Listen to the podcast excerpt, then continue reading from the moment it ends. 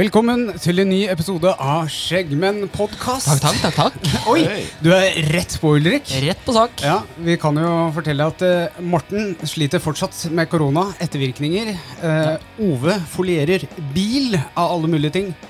Så da har du blitt nok en gang innkalt til studio som gjeste... Gjestemorten Gjeste-Morten. programmer. Gjeste-Morten. Gjestemorten. Gjeste-Morten. Jeg skulle ønske Morten var her i dag. Jeg skulle ønske Ove var her i dag, for vi har med oss de som vet svaret på universets store spørsmål. Uh, jeg, jeg ser, jeg ser Ikke noe press. ikke, ikke noe press. I dag handler det om frimureriet. Og da har vi med oss uh, ja, Dere kan jo introdusere dere sjøl, egentlig. Vi kan starte borti, borti der, da. Jeg heter Thomas Bendiksen, frimurer, Drammen. God dag. Arne, Arne Lie, også frimurer. Drammen der òg, eller?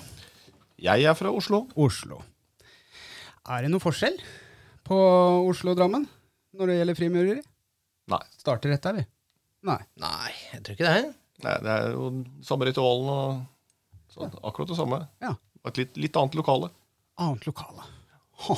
Det er noe større hus i Oslo enn i Drammen. Da. Det skal sies. Ja, Bygningene, det som vi kaller stammehuset i Oslo, det er jo et mye større bygg enn enn i Drammen. Men innholdet i det som foregår der, er jo i praksis likt. Så jeg kan møte en frimurer fra Tromsø eller Alta, og vi veit akkurat det samme? Gitt at dere har samme grad, ja. Oh, ha. Interessant, interessant. Eh, eh, spiller jo litt, eh, spiller litt dum i dag. Eh, jeg har jo prøvd å forklare frimureriet på eh, danielismens eh, måte. Gikk ikke så bra, ble kalt runkeklubb og litt forskjellig. Eh, eh, så da tenkte jeg nå, nå er jeg på dypt vann. Eh, her trenger vi eksperthjelp. Eh, det er derfor dere sitter her i dag.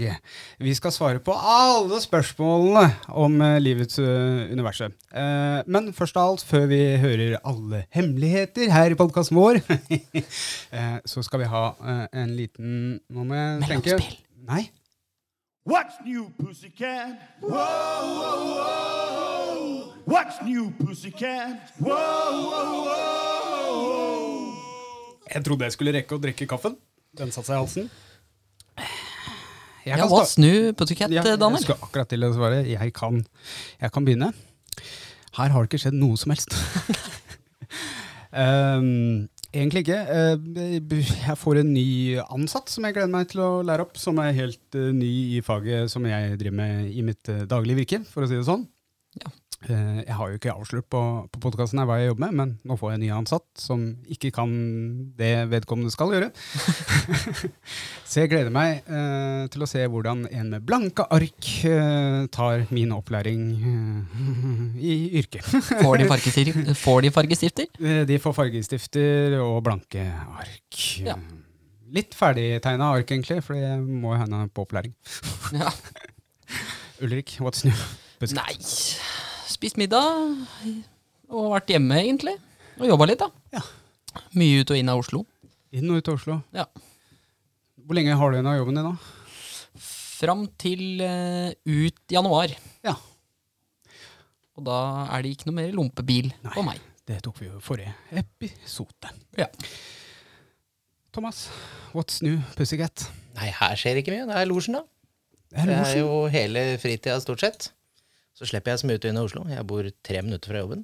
Så jeg er veldig heldig. Ja. Ja, da er du heldig. Og utover det så er det vel det samme som alle andre, da. Det er familie, jobb Ja. Kjedelig standardgreie. Standard. Bortsett fra losjen, for det er ikke kjedelig. Ja. Og Jeg, eh, før jeg dro hit, så satte jeg på en eh, 3,5 kilos svinenakke, som nå skal ha en low and slow i ovnen hjemme. Og den blir jo da middag i sjutida i kveld, tenker jeg. Det blir bra. slow cook. Vi kommer, vi. Ja. Hvor var det du bodde, sa du? Ingen kommentar. Var det ikke det vi fant ut at vi skulle svare på de fleste spørsmålene dere kommer med? Ja, gutter. Uh, nei, først. Ja. Hva, hva, hva skjer nå? Mellomspill. Det var feil knapp. Nå er, nå er jeg ute og går. Nå er det mellomspill. Nå, eh, nå er jeg ute og går, Ulrik. Sånn. Han begynner å løpe, da. hadde glemt å skru over. Det blir jo litt sånn uh, rar uh, stemning når jeg glemmer ting. Uh, så nå Og så dro jeg fram spørsmålene som jeg har fått. Jeg har fått inn så mange spørsmål. Eh, til Det er mange, mange som lurer på dette her. Eh, men først av alt, vi snakka litt på bakrommet i stad. Det er noen begrensninger her i dag. Eller det er én begrensning i dag. Ja, vi eh, kan ikke svare på spørsmål eller forklare eller diskutere våre ritualers innhold. Ja. De, det er jo den eneste delen av frimuriet som er hemmelig. Og da er vel kanskje smart å prøve å forklare hvorfor. Eh, For hele læringsmåten i frimureriet er jo ritualene. Og eh, de lærer man av fordi man ikke vet hva de inneholder, før man kommer dit. Eh, før jeg ble tatt opp, så tenkte jeg at det der hemmelighetskremmeriet, det, det er jo, må jo være noen merkelige greier. Etter at jeg var tatt opp, så skjønte jeg med en gang hvorfor. Så kan man jo tenke at Thomas, du pleier å ha et ganske godt eksempel. Eh, du bruker matte. Jeg bruker matte, ja. Ja. Hvis jeg lærer deg, Daniel, eh, to pluss to er fire, det må du pugge. Ja, fire. Da kan, da kan du legge sammen to pluss to. Og så tar du en matteprøve i morgen. Så får du spørsmål hva er to pluss to. Ja, det er fire. Da svarer du fire. Ja. Men hva er ni pluss tre? Det har ikke du lært ennå. Så du har lært å legge sammen to pluss to, men du har ikke lært å regne. Ja. Så hvis vi forteller dere innholdet i ritualene på forhånd, så, så kan dere det. Men dere har ikke lært noe. Nei. Det er en sånn grei sammenligning, egentlig. Ja. Og hvis det da kommer et spørsmål her hvor, det, hvor vi tilfeldigvis toucher borti da ritualer, så blir det da svaret To pluss to er fire. ja. Ja, Så har vi en egen bok her da, som inneholder eh, ingen kommentar på 280 forskjellige måter. Er. Veldig bra. Da har vi liksom bare banka den Ja, med en gang.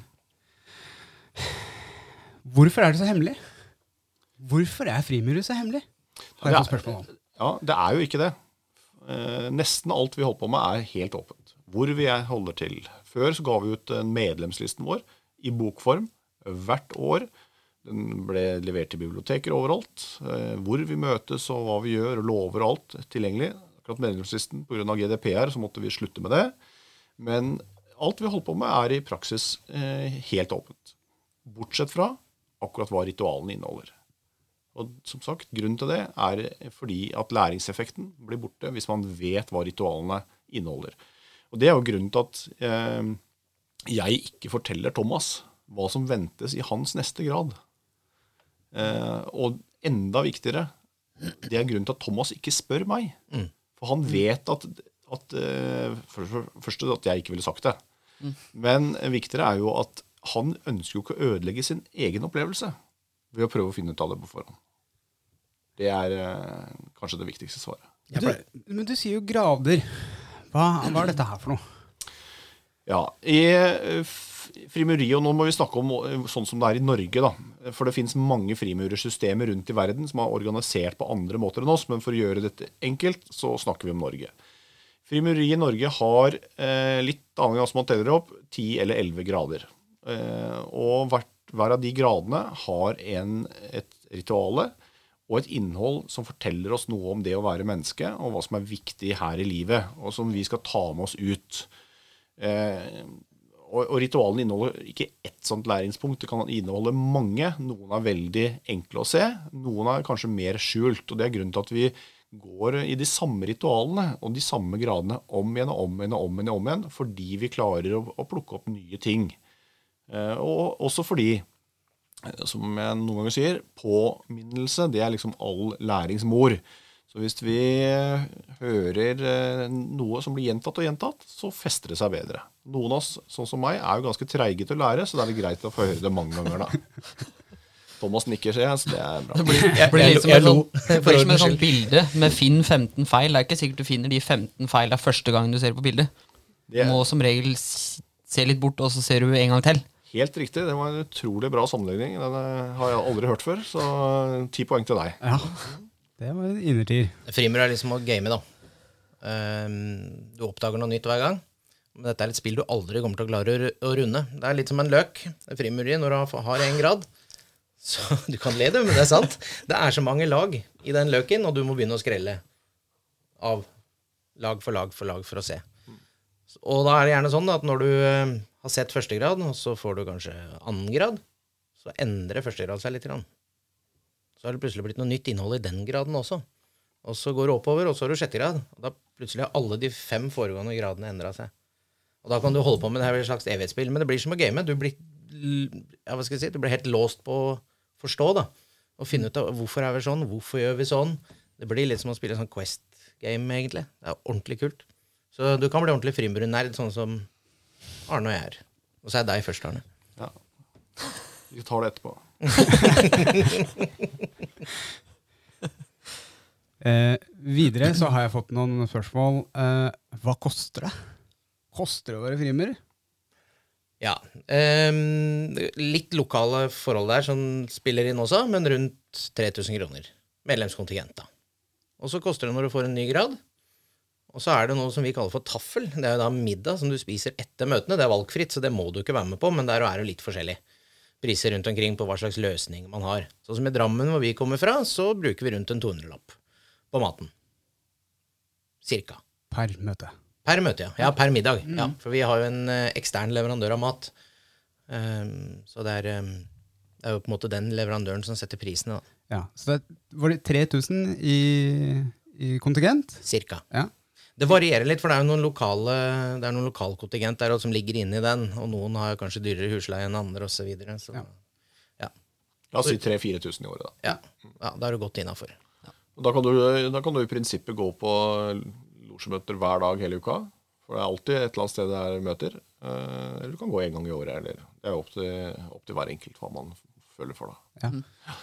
Jeg har en sånn eh, enkel regel som eh, Skal jeg tøffe meg litt og så si at som kona mi og jeg har blitt enige om, så skjønner jo alle hva jeg mener med det.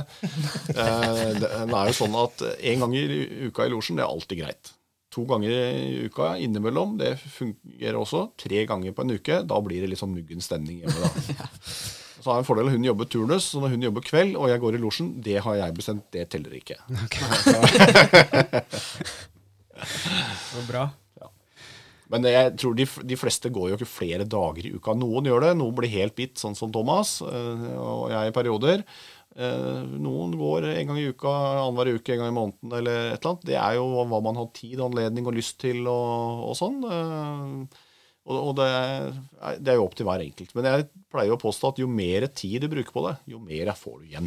Ja. Det er som eh, det aller meste andre ting. Ja. Trener du, så blir du god. Ja. Sånn er det. Jo mer forstår du. Og musklene vokser, da. Ja, det gjør de òg. Det er ikke alle som blir god, selv om uansett hvor mye de trener.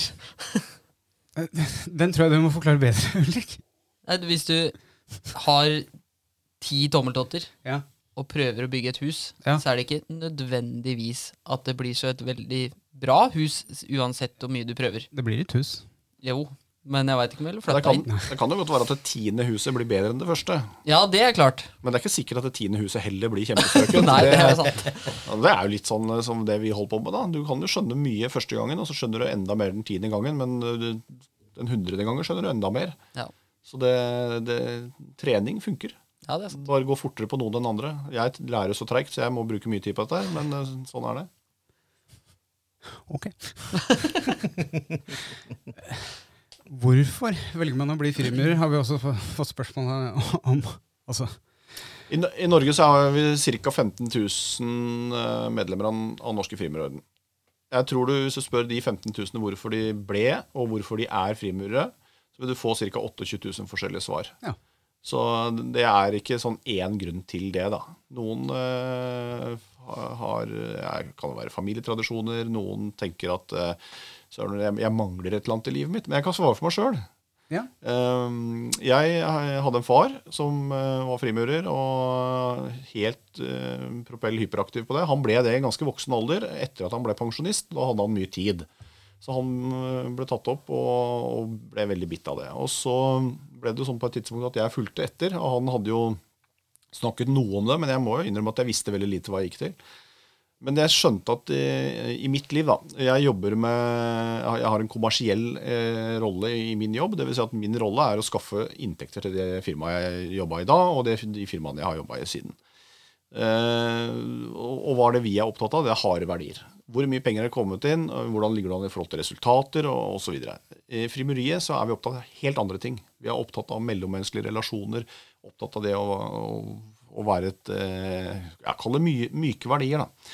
Eh, Så for meg så har det vært en sånn veldig balansering mellom de to eh, tingene. Det, det som jeg har på jobben, og det som frimuriet tilfører meg. Så da slipper jeg å være sånn veldig lent mot den ene siden. Så For meg så har det vært en ren sånn balanseøvelse. Og så er det masse andre ting som jeg syns er kjempegøy der, både med organisasjonsarbeid og ritualenes innhold og, og alt mulig. Men det viktigste for meg er at vi bruker tid på verdispørsmål, på hvordan det er å være menneske. Hvor er jeg? Hvorfor er jeg her? Hvor skal jeg?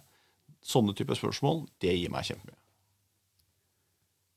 Ja, ja, men det er veldig bra svart. Og jeg også jeg har, Når jeg blei med frimurere, så hadde jeg jo ingen, ingen rundt meg som var frimurere. Jeg hadde bare hørt om det.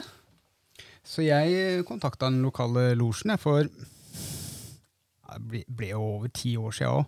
Da bodde jeg i Stavanger. Og da fikk jeg noen par sånne svar og les her og her er en blekke og sånt, men så blei det aldri ut av det. Og så var det en eller annen som skrev i den skjeggklubben som egentlig den podkasten er, er for. da. Er det noen flere frimurere her? Og da tenkte jeg sånn, fader ulla meg, jeg skulle sjekke ut det greiene der. Så da tok jeg kontakt med Drammen, for nå bor jeg jo her. Og da fikk jeg igjen sånn blekke jeg måtte lese og, og liksom Men eh, det, eh, for meg så var det liksom det mystikken rundt det, og at ingen venner mine var det. Så jeg tenkte hæ, nå har jeg liksom noe som jeg kan holde, men som du sier, da, det mellommenneskelige som er inni, inni losjen der, jeg er jo Jeg er på vei til å bli en sånn derre uh, frimurernerd sjøl. Og liksom dykke ned i historier og Nei. Eh, apropos det. En uh, kjent uh, frimurer Det er jo mange kjente frimurere rundt omkring. Uh, en av de kanskje mest kjente er jo Mozart. Har dere smakt Mozart-kuler? Jeg må innrømme at det har jeg faktisk aldri smakt. Synes, har du ikke smakt Mozart-kuler? Nei, jeg har ikke det. men Jeg har sett dem. Jeg husker jo guttungene, Det var jo sånne hos besteforeldrene mine. Og de så jo litt sånn halvskumle ut, da. Kona mi er helt dilla på Mozart-kuler. Har. Ja. Ja, ja. Ta Smak en Mozart-kule. Da prøver vi på det. Uh, og mens du nyter en Mozart-kule Jeg nevnte jo at uh, Mozart var uh, frimurer. Han er jo død nå, men Mozart var jo en artig skrue. Han Har dere hørt hvilken sang han likte å spille på nachspiel? Nei. Han lagde en egen sang til nachspiel som het Lich meine Arse, eller Sleik meg i rumpa. Som han da eh, Det er helt sant, Thomas. Og så gir du meg Mozart-kule! det, er liksom, det blir så gærent, vet du. Jeg tenkte at eh, vi skal bare høre, fordi dette er jo ikke mm, Jeg behøver ikke å betale for å høre eh, gammel musikk. Eh, så jeg tenkte bare å vise dere da uh, Lich mich im Ars heter sangen. Se. Det er bare synd de ikke ser den der motsatt-kula her nå. Du kan holde den opp mot kameraet der. Ser dere? Han snakker om det han snakker om.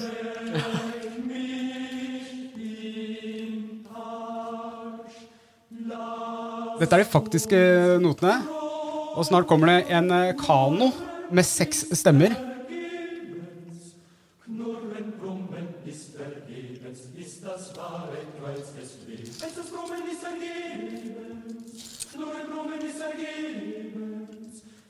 Tenk dere å være på nachspiel med Mozart, da, og folk driver og synger 'Sleik meg i ræva'.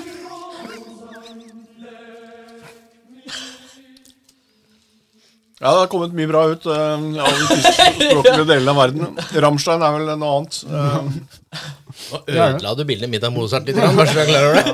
Og Mozart-kuler. Hver gang kona kjøper det her nå, så vet du hva jeg kommer til å tenke på. Dette ødela du. Men, Mozart var jo en, eh, som jeg sa, da, artig skrue. Han hadde jo en, eh, et hat-elsk-forhold til en annen operasanger. Som han, han, han syntes hun sang så dårlig. Og hun skulle Hun, eh, hun ble, eh, ble da førsterollen i en, i, en, i en opera som han lagde. Og han hørte det, så lagde han en helt spesiell sang i Come Skilgio, heter den. Cosa fan tutte. Fordi denne operasangeren hun løfta opp hodet sitt når det kom høye noter, og bøyde hodet sitt når det kom lave noter. Så han lagde sangen masse høye noter med lave noter annenhver gang. Fordi da hakka hun med huet som en høne. Så han lagde den spesielt til den operasangeren. For at hun skulle stå da på scenen og kakke med huet. Mozart, mine damer og herrer, frimurer. Men det er jo en, en opera som han har laget, eh, som er veldig influert av frimuriet. Nå er jo litt seriøst, da. Ja, okay. eh, og det er Tryllefløyten. Og for frimurere så vil man kjenne igjen mange av de elementene som er der, fra, som er elementer i, i ritualene. Nå holdt jo han til i Tyskland, og de hadde nok litt andre ritualer enn det vi hadde her. og og Disse har jo til en viss grad også utviklet seg, men noen elementer der kan man kjenne igjen hvis man på en måte vet hva man skal se etter. da. Så det øh, var ikke bare nachspieltriks i ermet på, på han kameraten. da. Jeg har jo faktisk eh, sendt inn eh, søknad, jeg, da. Eh, til Nachspiel med Mozart. Til nachspiel, men eh, med Mozart. Altså frimu- frimureri. Frimureri, Ja. Mm. ja, ok, så du har sendt inn en søknad. Hva betyr det, Ulrik? Nei, det betyr jo at eh, Lyst til å murre litt på fritida. Ja, nei, men øh, ok. Hvordan, øh, hvordan går du fram? øh, hvordan har du kommet fram til dette her? Nei, eh, kjenner deg, da. Ja, ja, ok. Og så har jeg vært på et, eh, et sånn åpent eh, informasjonsmøte mm -hmm. på, på Losjen i Drammen. Hvor, hvor vi fikk mye positiv tilbakemelding, på en måte, fra hva som Hva som er grunnen, på en måte, til at folk har lyst til å bli frimurere, og hva du kan ta med deg videre fra det, Ja, men eh, bra, rett og slett. bra, bra svart.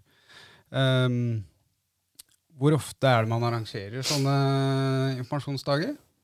En gang, en gang i halvåret i Drammen. Hvem er det som kan komme? Alle. Alle? Absolutt alle. Er ikke frimurere bare for menn? Nei, men øh, jeg regner med du snakka med kona di før du ble frimer. Jeg håper i hvert fall det. Det gjorde jeg. Det er veldig greit at de vet uh, hva vi driver med òg, selv om de ikke får greie på akkurat hva ritualene går ut på.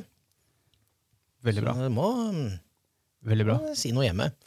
Og jeg har hatt med til og med bestemor ja, altså, på åpen dag i Frimurerlosjen. Og hun blei jo varta opp av gutta så det halve kunne vært nok, så hun syns jo frimur er de kjekkeste kara i hele Norge. Det var jo plutselig 40 mannfolk som sverma rundt da og skulle passe på matriarken i familien. Så det, det er åpent for alle. Vi skal ha i, i morgen, og det er vel kanskje et, jeg er ikke helt sikker på når det, du Ja, slipper dette. men- dette blir i starten av januar.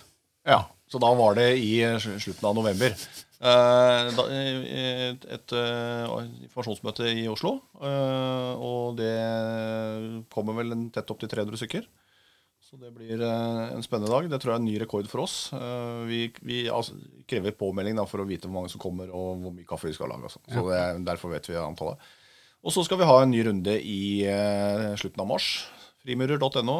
Der eh, kan dere følge med. For dere som eh, er eh, litt utenfor Oslo og Drammen, så er det jo også eh, lokale losjer overalt. Og de kontaktinformasjon til de finnes jo på, på nettsiden hvis man eh, er ting man lurer på. Der kom selgeren, hørte du det? Ja, det var ja, ja. helt... April, nå må jeg selge litt òg. April skal vi ha i Drammen. Ja. Det er et nytt informasjonsmøte der. Så det er jo rett etter. Et par, par-tre måneder etter den episoden. Hvis du er litt treig med å høre på podkasten.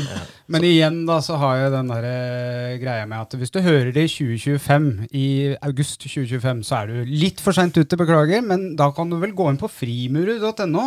Ja. Der pleier det vel å stå litt uh, sånne åpne dager. Mm. Det, det er riktig. ha, ha, ha.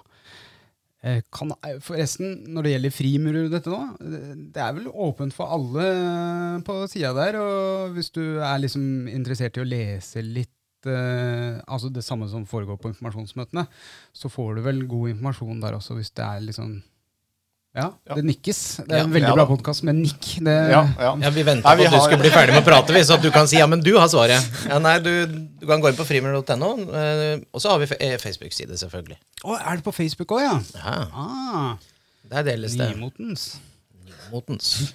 Ja, Det er jo kanskje ikke det vi er mest kjent for. Men eh, det er jo ingen som har stilt om det spørsmålet hva har dere på dere? Hvis du, ser- hvis du scroller langt ned, Ja, så kanskje det er spørsmål. Men Nei, det er mange som lurer fælt på, da. Eh, for Tenker det- du klær nå, eller? Jeg tenker klær, ja. Hva pleier du å ha på deg? Eller hva pleier folk å ha på seg på losjmøter? Nei, vi går jo i dress, eller det vi kaller for livkjole, da.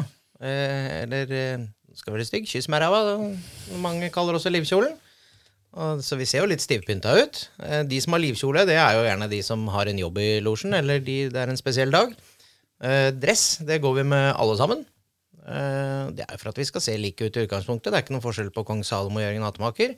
Men vi har det vi kaller for eh, prydelser. Og det kan være i form av en slags medalje eller et bånd. Dette her ligger, ser man jo på frimurer.no, at folk kler litt forskjellig. Det er så enkelt som at vi skal se forskjell på hvilken grad har du. Hva vet du? Hva kan jeg snakke med deg om? For eh, sånn som du og jeg, Daniel, vi kommer jo fra hver vår losje, selv om vi begge tilhører i Drammen. Ja. Um, og jeg kjenner jo da nødvendigvis ikke Nå kjenner jo jeg deg, men hvis, første gang vi møttes, da, så så jeg hvilken grad du hadde med en gang. Og da sa ikke jeg noe som kunne ødelegge din neste opplevelse. Og så så du at oi, han har en høyere grad enn meg. Hm, her kanskje jeg kan stille noen spørsmål. Ja. Refleksjoner, holdt jeg på å si. Og så er det selvfølgelig det vi har på oss, det har en eller annen form for rituell betydning også. Bare for å pirre litt nysgjerrigheten. Men da kan jeg, kanskje jeg spørre om noe, da. Eh, dere går med dress. Men sånn som eh, eh, deg, da, Thomas, som er eh, litt, litt sånn ekstra ivrig på å møte opp i losjen. Er det da dress hver dag? Eller er det dress kun hvis det er møter? Altså, eller har dere åpen losje for eh, frimurere uansett? Ja, du kan si Når du kommer på et losjemøte, og du skal gå på et losjemøte, så går du i dress.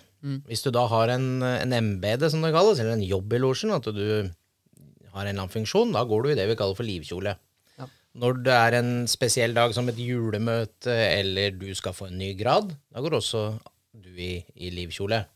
Eh, Så så lenge det er et eh, losjemøte, så går vi i enten dress eller livkjole. Men vi har også ting som f.eks. afterwork, som er en sånn sosial greie, hvor vi møtes for eh, noe så enkelt som pølser og øl. Da går vi jo sånn som det du og jeg går kledd nå. Det gjør vi. Men i de selve møtene så går vi kledd sånn. Det gjør vi. Nå håpa jeg på at jeg skulle få tid til å lese et spørsmål her, jeg. det fikk jeg jo ikke, for jeg ble mer opptatt av liksom, hva skjer for noe her. Uh, jeg syns jo dette er veldig spennende. Um, Skal jeg, for, skal jeg fortelle deg hva som egentlig er den største hemmeligheten i frimuriet? fortell! Fortell! Dette Det, det veit jo ikke Drammensgutta om, da. Men i, i Oslo så, så, har, så er det sånn at vi serverer jo hverandre når vi spiser mat.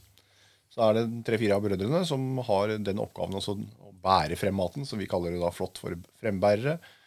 Og sannheten er jo at vi kan ta en hvilken som helst kløne i eh, hele Norge og lære han å servere mat på en ordentlig måte fra fat. Og det bruker vi ca. fem minutter på. Og det er ikke én av de som forteller hjemme. Det har jeg en sterk mistanke om, for når jeg sier det når, når det er koner eller samboere, eller hva det er til stede, så ser de litt sånn overraska ut, alle sammen. Men det klarer vi. Vi er ganske gode til å lære folk det, og de setter sin ære i å gjøre det på en ordentlig måte. Det er ganske kult. Nå ødela du det for alle oss som kan det, som ikke har sagt det hjemme. At vi ikke Dette var dårlig gjort, syns jeg. Ja, ja, men du er jo i Drammen. Der har du en litt annen løsning. Ja, Men du vet, enda en spoiler. Jeg er i Sandefjord òg, vet du. Ja, du er i Sandefjord. Og der òg bærer vi mat, vi gutta. ja. Så det Det er jo litt tilbake til det vi sa i stad, at det er litt forskjellige priser her og der. Sånn som i Drammen så er det jo et uh, selskap i huset som heter Frimurlosjen Selskapslokale og Catering, og det har ikke noe med Frimurlosjen å gjøre, egentlig. Eh, det er et privateid selskap som eh, leier ut lokalene til bryllup og alt mulig rart, men de serverer også mat til oss. Og de har servitører. Det er det ikke alle som har. Oi. Eh, derfor så er det Det er jo du vant til, at Ja. det er servitører, men veldig mange steder så er det mm, gutta sjøl som serverer de andre gutta. Da går det litt på rundgang, da. Det kalles for frembærere. Ha. Og det er innmari hyggelig å, å ha den jobben. For du får jo hilst på ikke bare de fem som du vanligvis snakker med kanskje på en sånn kveld, men du får hilst på eh, ganske mange. Og, og noen gode underveis. Og det syns jeg er en veldig hyggelig oppgave å, å påta seg. Du kan lære veldig mye i frimureri av sånne ting, egentlig. Ikke bare det å servere, men eh, ja, snakke i offentligheten foran mennesker. Være med på podkast. Være med på podkast. Ja. Lære ganske mye, egentlig. Har du fått lest spørsmålet nå, eller? Det har Nå har vi, snakket, nå har vi, nå har vi drøyd ganske mye. Det, det, det er det. Men eh, det, fordi jeg er så redd for at jeg får ingen svar, eller at jeg, jeg, jeg, Morten eh, Jeg leser over spørsmålene til Morten og prøver å liksom snike dem inn her, for Morten har sendt meg en smørbrødliste over ting han lurer på. Og det er mye som Hvordan skal vi gjøre dette her, gutter? Du må, du må lese det som står, og så må du spørre oss om det som står der. Ok, Morten lurer på en par ting. Han har jo googla litt og hørt litt rundt, eh, og spør da eh, spørsmål én. Hva går den personlige utviklingen ut på? Blir man en bedre person mot seg andre, eller føler man seg bare bedre med seg selv? Da regner jeg med han har vært inne på frimur.no og sett at eh, her får du personlig utvikling. Hvem vil først, du eller jeg, eller? Start, du. Eh, svaret er ja til alt han spør om, egentlig. Er jo, vi er jo like forskjellige, vi som samfunnet for øvrig. Det er jo like mye mennesker, og hva man får ut av det her, er jo Ja. Du vil få svar ja på alt det du spør om der. Eh, for mitt vedkommende så har jeg nok blitt en bedre fyr. Ha. Eh, jeg har blitt mye mer tålmodig. Eh, skal jeg ta et tenkt eksempel? La oss si du har en krangel med barna dine eller kona di, eller før du drar i losjen. Så kommer du ned i losjen, og så gjør du det vi gjør der. Så slår du deg plutselig etterpå, når du sitter der. Den krangelen var egentlig den så viktig. For er det noe vi kan si, tror jeg, det kan en Arne kvele meg nå, men er det noe frimiljøet har gått på, så er det å sette ting i perspektiv. Og da gjør du deg noen tanker etterpå. Var egentlig den krangelen der så viktig, eller er det jeg som kanskje overreagerer litt nå? Der har nok jeg vært. Jeg har overreagert mye. Men jeg gjør ikke det lenger. Jeg har sett at eh, det er noen større linjer her i livet. Det var ikke jeg forberedt at frimureri skulle gi meg den gangen jeg starta. Men det er noe, noe som har kommet ut av det. Oh, det er interessant. Mhm. Har du noe å legge til? Ja. Jeg tror eh, vi skal være såpass åpne og si at her er det ingen garantier. Eh, Noen kan få mye ut av det, noen får kanskje lite ut av det. Noen er mottagelige, noen er ikke. Noen har et stort for- forbedringspotensial. Jeg snakker for meg sjøl. Noen er kanskje eh, ikke, har ikke de store hakkene i personligheten sin å fylle igjen. Men, eh, men eh, jeg, jeg tror at det skal mye til å bruke tid på dette her og ikke få et utbytte av det. Eh, så tror jeg at eh, det er ikke så mange som, som skryter, eller liksom, som tenker at det er viktig utad å, å være frimurer. Noen er det. Eh, men men jeg, jeg tror ikke det er den viktigste drivkraften. Mhm. Ja, og så er det ikke noe fasit. Absolutt ikke. Fins ingen fasit. Eh, Når du har førstegrad, så er det ingen som skal si til deg at det her er det du skal få ut av å være frimurer. For det har noe med hvor står du i livet ditt, hva er din, eh, hva er din referanseramme? Og så går det fem år, så kan hende du får noe helt annet ut av førstegrad. For da har referanseramma di endra seg. Ja, for det- Da er vi litt sånn innpå inn på bare spørsmål to, da. Og hvis man da gjør jeg, lever ikke opp til forventningene i første grad, vil jeg da bli kastet ut? Altså, Går det an å bli kasta ut av eh, Kan man bli kasta ut av losjen, spør Morten om. Det kan du, men jeg skal si noe om forventningene først. De forventningene, det er jo de forventningene du stiller til deg sjøl. Frimureriet har ingen forventning til deg. Nei, det, så Du så kan ikke bli kasta ut fordi det er, det er ikke noen forventninger der. det er ikke noen forventninger til hva du skal lære deg, nei. Eh, så det, det kan du ikke bli kasta ut på bakgrunn av. Men hvis du gjør noe gærent, det kan Arne fortelle om, hva som er grunner til å bli kasta ut. Ja, der er jo lovene våre ganske klare, da. Eh, enkleste måten å bli kasta ut på, er å ikke betale kontingenten sin. Det er, da er en prosess, og så er det ferdig. Eh, men i, i mer sånne tilfeller som du spør, da, hvis du blir dømt eh, til en straff eh, med mer enn seks måneders fengsel, f.eks., så er det takk for seg. Da, da er det ut. Og det har skjedd, og det kommer sikkert til å skje igjen. Eh, Står det i lovene? Ja. Mm. Så um, Eh, og vi, vi, krever jo, vi, krever jo i praksis eh, i hvert fall et sånt rimelig rent rulleblad før man blir tatt opp. Eh, fartsbøter og sånn, det bryr vi oss ikke så mye om. Men, men har du liksom rana tre banker og, og sånn, så er det nok verre. Eh, for å si det sånn, da.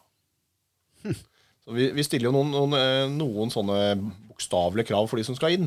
Jeg vet ikke om det er et spørsmål som kommer på lista di, men du må være mann. Eh, og da ser vi på juridisk kjønn. Eh, og så må du være over 21 år. Og så er det sikkert noen som lurer på hvorfor jeg sier nå 21 og ikke 24, men det er fordi vi endret det tallet i, i sommer. Eh, og så må du ha et medborgerlig godt omdømme, som vi sier på litt sånn fjongt norsk. Eh, det betyr rent rulleblad. Og så og at man er en ålreit fyr. Eh, det trenger ikke å være perfekt, for det er, det er ikke noe vits i å drive og bearbeide perfekte folk. Ikke at jeg har møtt så mange av dem heller, men, men og, så, eh, og så må du ha ordnet økonomi. Eh, Det var viktig, kanskje viktigere før, men det skal jo være sånn at du skal ha råd til å drive med dette her uten at eh, det går utover familien din. Jo, jeg oppfatter jo ikke at dette er kjempedyrt, men, men tidligere så var nok eh, kontingentkravet sett i forhold til en vanlig inntekt eh, noe helt annet enn det det er i dag. da. Så, men man, man bør ha, ha, ha råd til det, og det ikke er sånn at uh, ungene må slutte i barnehagen. eller noe annet. Det ville vært dumt. Feil Så, prioritering. Ja, det er vel det er ikke noen andre krav. Jo, så må man bekjenne seg til, til kristendom, da. Oi! Den er- kristne tro. Kristne tro, ja. Det har vi jo ikke vært innom i det hele tatt. Nei, og der, jeg har et spørsmål. Må jeg være kristen? Ja, du må det. Eh, Men så er det jo fortsatt sånn at eh, hva du legger i det, og hva jeg legger i det, og hva Thomas legger i det, det er, er ikke noen sånn blodprøve eller sånn eh, ta temperaturen eller noe sånt som vi kan finne ut av det. Så det er opp til hver enkelt hva man legger i det. Og der har vi vel alle avskygninger av eh, fra vi skal kalle det noe sånn eh, sterkt troende og bokstavtro eh, til sterke tvilere og, og alt mulig derimellom. Men man må være åpen for at det er et kristent aspekt i det. Og man vil føle seg veldig fremmedgjort hvis man ikke gjør det.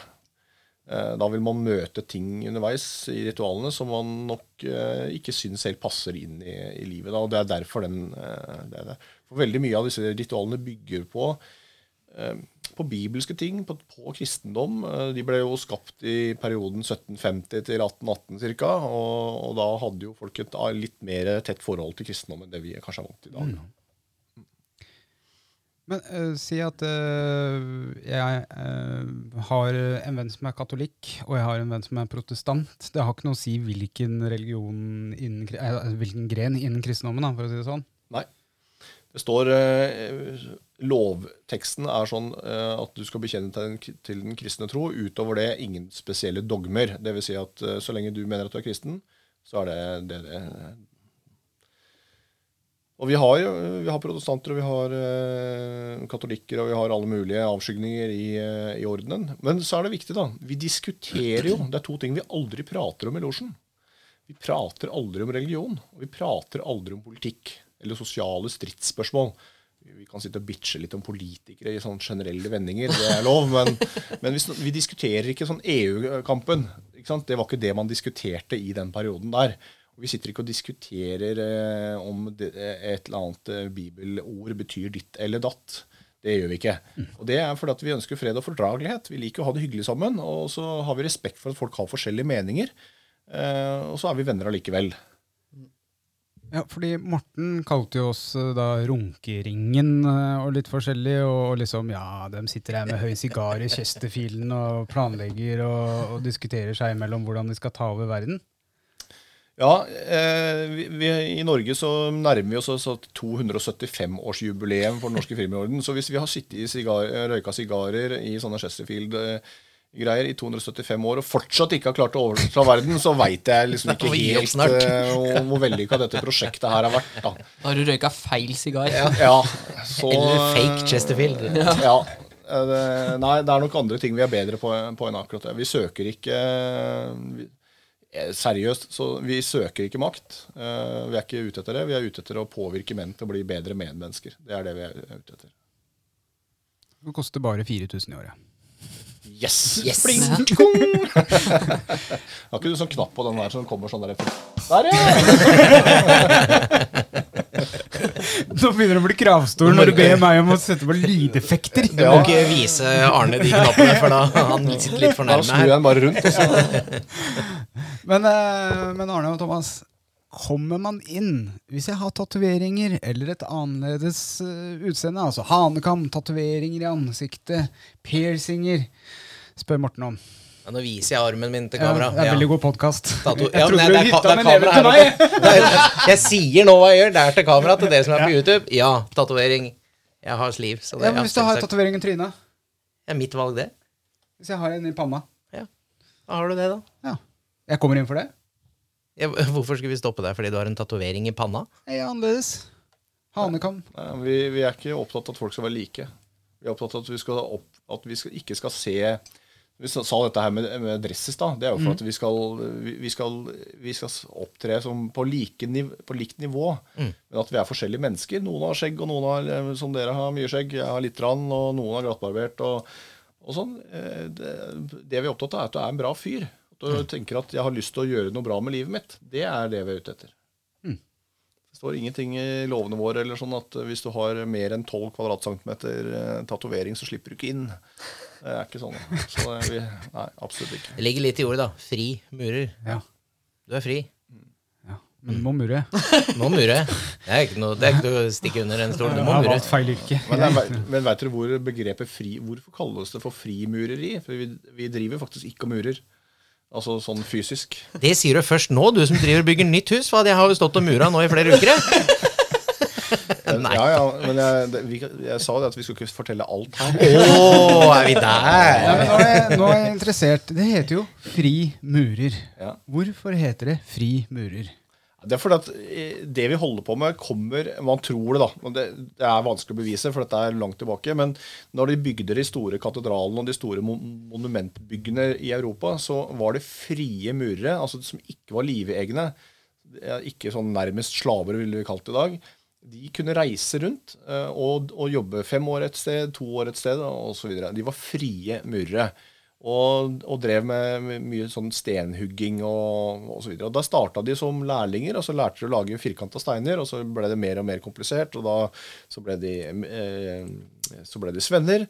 Og så etter en stund så ble de da mestere. Og det er jo de samme som vi har i første, andre tredje grad. Det som kalles det blå frimureriet, det er lærling, svenn og mester. Eller lærling, medbroder og mester, kaller vi det da. Eh, og, og, der, og de hadde sine ritualer når de gikk fra en eh, verdighet eller en grad lærling til svenn, så, så foregikk det i, i et lukket rom ikke sant, med noe spesielle, og de ble til, da fikk da lære nye hemmeligheter med noe matematikk og, og så. Og, og sånn. Og så etter hvert som disse katedralene ble mer og mer eh, kompliserte, så måtte de ha med seg eh, nei, Det fantes vel ikke ingeniører på den tida, men de arkitekter som fikk en del av disse her eh, hemmelighetene og var med på de ritualene. Og så var de ferdige å bygge. Så dro jo murerne videre. Men de som satt igjen, de tenkte at det der greiene der var jo innmari bra. Kan ikke vi fortsette å gjøre det? Og så fortsatte de å ha de ritualene. Og så, eh, har vi, så er det det man har bygd på i dag. Da. Eh, det er i hvert fall en, en teori. At det kommer derfra. Noen mener at det er fra Egypt og alt mulig rart. Men, men jeg, jeg tenker at dette, dette her er ganske mye hold i. da. Så, Og de husa som sto ved siden av katedralene som arbeiderne bodde i, de kaltes jo for losjer. Ikke sant? eller lodges på engelsk. Lodges på engelsk, ja. Og vi sier jo den dag i dag eh, innlosjering skjer klokken 15.00. Så det, eh, kanskje det stammer derfra, da? Jeg vet ikke. Jo, det kan godt være det. Ja. Nei, jeg vet ikke. De, de, disse murerne hadde jo et, et sett med regler å forholde seg til, og jeg husker bare én av dem. Og det var at det var ikke lov å legge an på døtrene til de andre murerne. Ah, Konene var greit. kon- Eller kanskje det var konene. Nå fikk jeg den! Yes!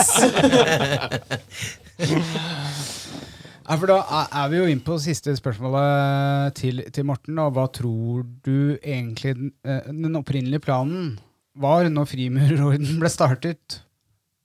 Hva, hva Ja, det Det er jo et spørsmål som krever et ganske langt svar, da. Eh, For når du sier frimurerordenen og frimureriet, det er, to eller det er ikke to forskjellige ting, men ordenen er på en måte strukturen. Lovene, reglene, eh, tilhørighet osv. Mens frimureriet er- jo det vi holder på med. Så hvis vi tenker, eh, og spørsmålet er sannsynligvis vil jeg tro at det hva var egentlig formålet med frimureriet, og ikke med liksom strukturen og, og regelen og, og sånn. Eh, Jeg tror det at man, som jeg var inne på, så at dette her var jo en bra måte å møtes på, en bra måte å, å jobbe med, med utvikling. Man diskuterer litt sånn viktige ting i livet, og så har man eh, tatt det videre derfra. Det er ett spor. Eh, Jeg tror også et, et annet spor har vært at man har ønsket, kanskje spesielt i når det, Vi tilhører det svenske systemet. Når det ble etablert i Sverige, at det var viktig for eh, kongen å knytte en del av adelsmennene tettere til seg. Eh, sånn at han hadde på en måte to eh, sett å spille på. da. I, men, men nå i Norge så er det jo ikke noe adel lenger, og vi har jo ikke noen kongelige med hos oss. Så formålet og planen nå er jo å utvikle oss til bedre menn. Men hva, hva den var way back when, det er ikke så godt å si. Og det er egentlig ikke så innmari viktig heller. Men overta verden er jo det som mange tror vi holder på med, Ja. å drive og påvirke børser og sånn. Hvis du eh, ser bilparken og, og hvor mye vi har i gjeld, så ikke tror jeg vi er spesielt gode på børsen. Og, eh, og verdensherredømme har vi jo fortsatt ikke, så i så fall så har det vært et ganske dårlig prosjekt, da. Eh, Igjen, som han sa tidligere, vi lærer seint. ja, ja. Ja. Egentlig så har vi mer enn nok med å drive holde, holde på med det vi holder på med, og ikke skal drive involvere resten av verden i det i tillegg. Altså. Ja. Men hvorfor er det så annerledes eh, Du, du, du, snakker nå om i Norge og det svenske systemet og tjo og hei. Men hvorfor er det så forskjell på de forskjellige frimurerne hvis det kommer fra ett sted? holdt jeg på å si? Du Mm. nevnte det bygge katedraler og tjo og hei. Hvorfor er det så mye forskjellig? Ja. ehm, det er jo sånn at eh, den norske frimurorden, da, som, som vi er en del av, vi holder på i Norge. Vi, vi, har ingen, vi har ikke noe ansvar overfor noen utlendinger. Det er ikke noe sånn, et sånn verdensfrimurersjefen som vi må forholde oss til. det er ikke det, nei. Nei, det er hvert land på en måte for seg, da. Eh, så mm, Og da er det jo sånn at eh, ritualene har også utviklet seg over tid. Vi i Norge har gjort lite av det. Det har vært eh, veldig sånn finpussing på detaljer. Eh, I hvert fall siden 1818 ca. Eh, mens andre steder så har de etablert nye ritualer og, og sånn. Så når man lag, lagde den, det svenske system, så plukka man vel seg sånn seriøst litt herfra og litt derfra. da. Så sa man at eh, det som, så dro de til England, og så var de med på noen møter. Den der greia der, den passer godt inn her. Og så, For at da betyr det det og det. Eh, og Sånn har eh, verden utvikla seg i, i mange forskjellige retninger. I England så er det enkelt. Der er det i den eh, Vi har jo sagt at vi har i Norge ca. 10-11 grader. Eh, i, eh, I England, den engelske storlosjen, United Grand Grand Lodge of England, de har tre. Og det er det som regnes for å være som det ekte frimureriet. eller for Alt skal ligge i første, andre og tredje grad. Ah. Men så har de en masse eh, andre frimurersystemer som på en måte utfyller det, eller som kommer på toppen. Um, og det er Royal Arch og Arch, og de har masse forskjellige navn. Så du kan finne systemer i USA for eksempel, hvor de har 33 grader. Ja, Men den har jeg hørt om. Men det er ikke sånn at eh, mange liksom, ja, han har jo 33 grad, og dere har jo bare et eller annet eh, annet. Ja, det er jo faktisk ikke sånn at bløtkaka blir spesielt mye større, for at du deler den i mange stykker. da, ikke sant? Så, og egentlig så kan du dele den bløtkaka i tre, og så har du vært gjennom eh, mye, da. Men, men så går du mer i dybden i de, de utfyllende gradene. Så, sånn har verden utviklet seg i forskjellige retninger. eh, og så kunne jeg fortsatt nå i en evighet, men da tror jeg lytterne finner på noe annet, så jeg tror jeg stopper der. Ja. Det er 33 grad, ja. Det hadde vært noe. Det du kan si om de gradene, da, det er jo Jeg pleier å bruke Husker du gamle overheaden? Ja. Med det overhead-arka? Ja. Så kan du tenke deg den Husker du det, Ulrik? Ja. Ja. Ok. Det var ikke verst. Yes. Eh, Imponerende. Men eh, hvis du tenker deg at frimur frimureri er et bilde du skal lære deg å se Første grad, der har du noen streker. Ja, det er et bilde. Så kommer vi med arket for annen grad og legger det oppå. Oi, bildet ble mye mer komplett. Så kommer vi med tredje grad, legger det oppå. Oi, nå, jo, nå fikk jo bildet plutselig en helt annen mening. Fordi det skjer noe nå i bildet som jeg ikke så når jeg hadde den første overhead-arket. Og så fortsetter du å bygge oppover. Og så forhåpentligvis da, så ser du hele bildet når du kommer opp i gradene. 33. grad. 33 grad. Men det er bare at de har fryktelig mange De har fryktelig mange flere overhead-ark for å vise det samme bildet. Vi er litt gjerrige på overhead-ark av året. Det er Men- billigere i USA. Ja, og da kan du tenke deg at du tar et bilde, så kan du putte inn mye forskjellig, da, og så endrer det seg plutselig mening også. Da må du studere litt hardere. Det er jo folk som har studert eh, hvor dette kommer fra, og hva som er meningen, og sånn i eh, ja, Sannsynligvis omtrent lenger enn jeg kommer til å leve, da. Eh, og fortsatt finner eh, nye ting. Så det, er jo det som er så, det er så utrolig mangefasettert, eh, det vi holder på med. Så mange forskjellige måter å se det på. Og, og sånn at Man kan jo enten se det bare helt overfladisk og si at de gutta der skal overta verden. Eller skal man bruke tid på å liksom grave seg og gå ned hva er dette egentlig er for noe? Og så er det veldig mye forskjellige typer mennesker som er medlemmer i tillegg. da. Ja, ja. Jeg har jo blitt, eh, fått eh, kompiser jeg, som jeg aldri ville møtt hvis ikke det var for Frimurlosjen. Ja. Nei, det Kan, er det liksom Det kan jo liksom sånn Hvis man tenker tilbake igjen med de frimurerne som bodde i de losjebygga utafor katedralen og sånn, at de Akkurat det der med mangfoldet, da, med mennesker som er der, at uh, du ut... Ja, korta ned den eh, Det rangstigen på de du prata med, da. At uansett om du var, om du var konge, da, eller om du var eh, en fattig mann på gata, så kunne du sitte rundt et bord og ta en kaffe og prate om Prate om åssen du hadde det, da. Uansett. ja det, er, ikke så lett å spekulere i hvordan det var da. Nei, nei, men, men, men- men sånn som det er nå, så vil vi, vil vi oppleve det. Ja. Eh, Vi møtes på like fot, og folk har forskjellige preferanser og sånn, men, men når vi kommer inn i, eh, i, i forbindelse med losjemøtene, så er vi den vi er. Mm. Du legger på en måte alt det andre stæsjet eh, ute, og så møtes vi som medmennesker. Jeg jeg har egentlig et ganske godt eksempel på det. Jeg, jeg skulle ha med meg en, et knippe folk. Du var med, Thomas. Vi var på hytte, skulle på hyttetur på, på hytta som vi har. Eh, og så Og der er det sånn at eh, vi kan være åtte stykker komfortabelt, men uten, før vi må begynne å dele senger. Og vi gjør faktisk ikke det sånn eh, hele tida, da. Egentlig aldri. Så eh, Hele tida, sa han. Ikke hele tida! vi, vi gjør det aldri. Men greia da var at så var det en som plutselig ikke kunne allikevel. Og så var det sånn Ja, skal vi få med en til, eller skal vi ikke det? Og, og da var det en som sa Du, han der eh, kameraten som nede i Halden Samme hva han heter, men eh, han er en bra fyr. Og Jeg hadde jo aldri møtt han, visste ikke han var engang, men jeg hadde kanskje hørt navnet en gang. Så jeg ja, men hvis dere mener at han er, passer inn her, så, så ta han med, da. Og så, kom, så blei han med, og vi fikk organisert liksom, kjøring og alt det greiene her. Og så kom vi opp dit, jeg har jo aldri truffet den, og så hilser vi på hverandre, og så etter fem minutter så er vi liksom helt på nett, fordi at vi, vi kjenner eh, Vi har en åpenhet med hverandre som er ganske unik, fordi vi veit at vi kan stole på det at det vi snakker om i sånne settinger, det blir der. Og jeg kan ringe til Thomas og diskutere ting med han som eh, veldig personlige ting. Men jeg veit at Thomas går aldri videre med det. da. Eh, For det er liksom kulturen vår. Det gjør vi bare ikke. Det er ikke fordi vi er sånn superverdensmestere på hemmeligheter. Eh, Men, men det som teller, det teller. Det tror jeg er noe de aller fleste frimurere er, er enige om. Da. Det er bra sagt. Det er gutta du går til. Hvis, det, hvis du har noe problem med livet ditt, så er det gutta du går til. Det er trygt å prate med dem. Ja. Mm. Jeg kan godt, sikkert gå til noen andre òg, men eh, jeg veit at, eh, at de, de frimurerne jeg har blitt kjent med, det er, eh, det, det er Vi kan snakke om alt. Det, ja.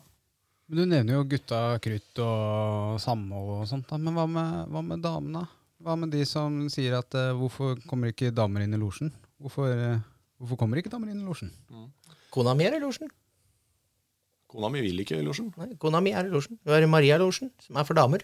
Ah, Den har for så vidt ikke noe med frimurerlosjen å gjøre, men de bruker jo våre lokaler.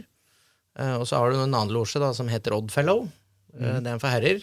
Eh, de har en egen damelosje som heter Rebekka-ordenen. Eh, men veldig mange av konene til frimurere er i det som heter Maria-losjen, og der får ikke vi gutta Får ikke greie på noe der, vi. Nei. Så damene har sin, de også. Det gjør de. Jeg tror nok den viktigste årsaken er historisk. Sånn har det alltid vært. Eh, og så er det noe er faktisk ganske befriende at vi gutta kan ha et sånn fristed hvor vi ikke trenger å tøffe oss for de søte jentene som er der. Og I hvert fall hvis det er konene til andre i tillegg. Det er, For, for det var lov, ifølge Hannes. Det var kun døtrene som ikke var lov. ja, det er mulig at jeg huska feil der, da. Ja, ok, ok, ok, er- jeg tror det er lov hvis du har 33 grader. ja, ja. Nei, så øh, jeg syns jo Jeg syns jo det er på en måte Det er et sånn aspekt som er borte når vi møtes i losjen, og det er den derre kjønnsgreiene. Jeg syns det er kanskje et eller annet sted mellom befriende og, og fokuserende. For da kan jeg fokusere på det som er, og ikke sitte og se på de andre damene som er der. Men den viktigste grunnen er nok historisk. Uh, og, og Mariaordenen er ikke spesielt mer interessert i å få oss inn hos dem enn vi er hos dem. De kommer på, Når vi skal ha det informasjonsmøtet i morgen, så kommer de for å fortelle om hva de, skal, hva de holder på med. Eh, I Oslo så bruker de ikke våre lokaler til daglig, men eh, vi spurte om ikke de kunne komme og fortelle litt. Eh, så- Har de kanskje- egne lokaler i Oslo, Maria Losjen? Ja. I Drammen så bruker de jo vår, det vi kaller for Stjernesalen. Ja. Den er jo åpen for alle å se, for så vidt. Den bruker de. Og jeg vet i Sandefjord så har de en helt egen en igjen. Så det er litt sånn lokale Egen sal eller eget hus? egen sal. Ok. Ha. Lærer noe nytt hver dag. Eh, jeg hadde et godt oppfølgingsspørsmål til akkurat den der. der. Eh, jo, uh, eh, du snakka om 21 år og plettfri vandel og tjo og hei for å bli med. Eh, hvor, em, hvor fort eh, ønsker du at eh, nye medlemmer skal komme? Altså akkurat fylt 21 år og rett inn, eller? ja. Det er et utrolig bra spørsmål, og det er jo i hvert fall like mange svar som det er mennesker. Ja, for jeg vil jo eh, fortest mulig inn i losjen for å komme meg opp i gradene, vet du. Ja, jeg har tenkt at det er to veldig bra tidspunkt for en, for en mann. Da. Det er en stund før han får barn, og så en stund etter at han, at de, han sitter med små barn. For at det er en, akkurat den småbarnsperioden er litt sånn Den tidskleima og mangel på søvn osv. den kan være utfordrende for mange. da. Så Enten få dem inn før det, sånn at de er godt i gang, før de da sannsynligvis fader ut en periode og kommer tilbake, eller at man venter. Men for all del eh, vår venn som bor ikke så langt unna deg, Thomas, han eh, traff jeg på eh, i, i Drammen nå på når jeg var der sist, mandag eller hva det var. Og Da sa han at han liksom sovet fire timer på to netter, men han skulle i losjen allikevel. Så det er, det er alle muligheter, da. Skulle til losjen for å sove.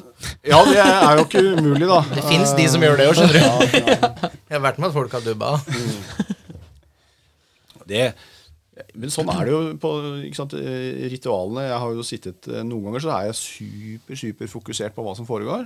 Andre ganger så sitter jeg nærmest i en sånn eh, jeg holdt på å si vegetativ, men det heter vel meditativ eh, tilstand. Og, og, og, og tenker igjennom andre ting, men har liksom den rytmen som går i bakgrunnen. Og hvis det skjer et eller annet som ikke pleier å skje, så våkner jeg eller kommer til bevissthet, eller hva man skal si. da. Så det, er, det, det varierer, ikke sant, dagsform og, sånn, og det er kanskje derfor vi får litt ulike ting ut av det. da. Thomas, eh, han ja, Nå skulle jeg, skulle jeg jo slenge litt med leppa her, men jeg tror Ja, det er bare å slenge med leppa. Jeg tar den, jeg, altså. Gjør det? Ja, ja. Nei, Thomas er alltid mer våken enn det jeg er. Så Ja, Men nå begynner det å komme inn på rituelle ting, vet du. ja, ja, ja, ja, ja. Ingen kommentar. vet du. Ingen kommentar. Det var da nummer 17. Men uh, si at jeg er, uh, jeg er 70 år gammel, har uh, kjempelangt grått skjegg, og jeg har lyst til å begynne i losjen. Hei, velkommen? Oh yes. Jeg lurer på hva skjegget hadde med 70 år å gjøre. Men... at jeg spiser det inn fordi det er en skjeggpodkast. Oh, ja, sånn, ja, okay, ja, ja, ja, selvsagt. Nei, vi, vi tar opp eh, folk i alle aldre. Eh, hoved, hoved eh, snittet er vel eh, 42-44 år. Eh, og eh, det er ingenting i veien for å starte i ganske voksen alder. Jeg sa det om faren min. Han var dog ikke, ikke 70 år, men eh, la oss si at han var 60 eller noe sånt. Jeg husker ikke helt. Eh, så eh, så er det absolutt mulig. Jeg, vet vi har tatt opp folk over, over 80 år, men det, 80. ja, men det, det er sånn at det tar normalt sett eh, ca. 21 år å gå fra første til tiende grad. Men, 21 år. 21 år. Men de som, hvis du blir tatt opp når du er 70 år, så går nok den reisen betydelig fortere. Eh, for at vi ønsker jo at folk på en måte skal ha sjanse å komme, komme gjennom alle gradene. Det var en som eh, var 81 som ble tatt opp. Ja. Om, Vi har noe som heter Frimurerblad, Blad, som kommer i posten. Og der eh, sto det om han. Det begynner å bli noen år siden. Det sto en artikkel om han. 81 år og ble tatt opp i losjen. Ja. Spenstig. Så det, og det er eh, Jeg tror for mange, mange av de eldre brødrene så er dette litt sånn viktig sosialt også. De har et nettverk, og de går på, på møtene hver uke eller annenhver uke, så de treffer de samme folka og, og sånn. Kanskje ikke, kanskje ikke de, at det er ritualene som er det viktigste for dem, men de kommer seg ut. De treffer gutta, de tar en kopp kaffe, de er på møte, gjenopplever mye av det som de har holdt på med i mange mange år. Og så er det en hyggelig middag og, og sånn, og så er det hjem etterpå. Det sosiale, rett og slett. Ja. Ja. Og det er jo også en del sånne lokale tilbud som er tilrettelagt for eldre brødre og enker. Eh, sånn at de har et, et eh, Jeg tror Oslo annenhver fredag så på dagtid så har de et sånt møte hvor de eh, kan, kan være en litt musikalsk underholdning eller et foredrag eller et eller annet. Og så er det en, eh, en enkel middag og litt sånn kaffe etterpå. Samme i Drammen. Ja. Fiducia, som den kalles. Så vi, det er jo litt tilbake til spørsmålet ditt, eh, dette med damer. Det er jo ikke sånn at vi er imot damer, på ingen måte. Eh, vi, ja, de fleste av oss er ganske glad i damer. Eh, så eh, Jeg likte den latteren han slang inn der. Dette her må du klippe vekk. nei Jeg kjenner at jeg skal inn på telefonen din og slette nummeret til kjerringa mi etterpå. Skal jeg love deg? Ja. Nei, vi snakker om noe annet, da. Nå ble jeg ikke mindre skeptisk. Hysj, vi kan ikke vise at vi er sånn morsomme og ler. Det, nei, okay. Nei, men vi, Det er jo fort gjort å tenke at dette er sånn mørkemenn, da. Og vi går i svarte dresser og, og sånn. Men, men humoren sitter jo ganske løst i alt som ikke er eh, i, i ritualet. Der er det sånn det er. Nei. Men eh, det er Jeg tror eh, faktisk Norske Frimurerne er eneste organisasjonen jeg veit om hvor det står krystallklart i lovene at det er lov å spøke. Ja, står det i loven? Ja, står det i lovene. Det står uskyldig Uskyld- skjemt og hyss. Ja, ja, nei, ikke hyss. Det er ikke hyss, nei, nei, Nå har du jo henvist til de lovene ganske mye. Mm. Og du sa før at det var en eh, bok som du kan få på biblioteket, for å, men pga. GPDR og det greiene der. Men fins de lovene noe sted? Kan jeg søke frimurerlover på Google, og så kommer det fram? Nei, ikke nå lenger. Eh, men det er, en stund siden vi har trykt de opp. Men hvis du går på et, eh, bibliotek, så har de sannsynligvis et eksemplar av, dem. Og hvis noen er veldig interesserte, så kan du få det tilsendt på PDF. Men vi har slutta å trykke dem. Det er greia da. Ja. Så, og de er, de er ikke hemmelige.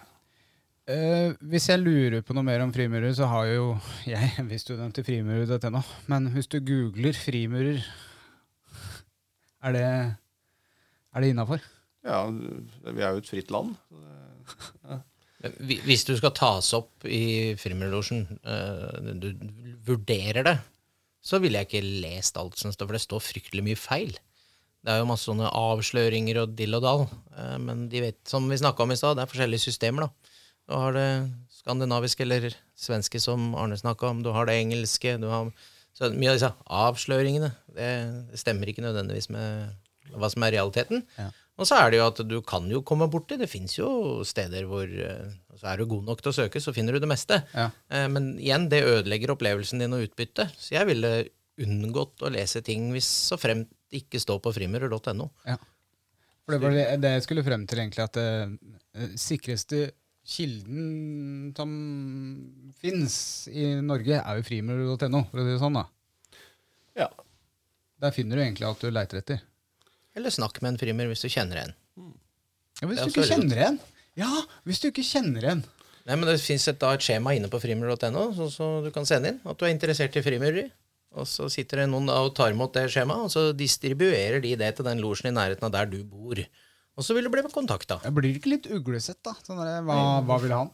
Hvorfor det? det er jo en, vi hadde jo ikke lagt ut det skjemaet hvis ikke vi ville at folk skulle ta kontakt. Du har så gode Men, svar. men vet du hvordan man kjenner igjen en frimurer? Nei, det er jo så Hvis jeg er i businessmøte, og jeg eh, har lyst til å gjøre en ekstra god deal med deg, da, hvordan kan jeg si at du er frimurer? Ja, for, for det første så, eh, så er det jo sånn at lovene våre forbyr deg i å prøve å gjøre det med meg. Oi. Så det er, det er ikke lov. Men eh, det er jo sånn at eh, de eh, brødrene som har fått åttende grad, de får, en, de får låne en ring. Den har jeg på meg. Oi. Og den består av tre Tempel-ridderkors og tre bokstaver. Den er ganske unik. Så Det er jo en enkel måte å gjenkjenne de brødrene på. Og så er det noen som går med sånn vinkel og passer, f.eks., som er sånn universelt frimursymbol, som kanskje har på jakka eller et eller annet. Eh. Og ja, Det er vel kanskje de to enkleste måtene. Ja. Mm. Altså, ok, åttende grad og ring, Mm. eller vinkelhake, da er det med Ja, vinkel og passer. Vinkelen passer. vinkel, ja. Mm. Ha. Skjønte du noe av det? Ja.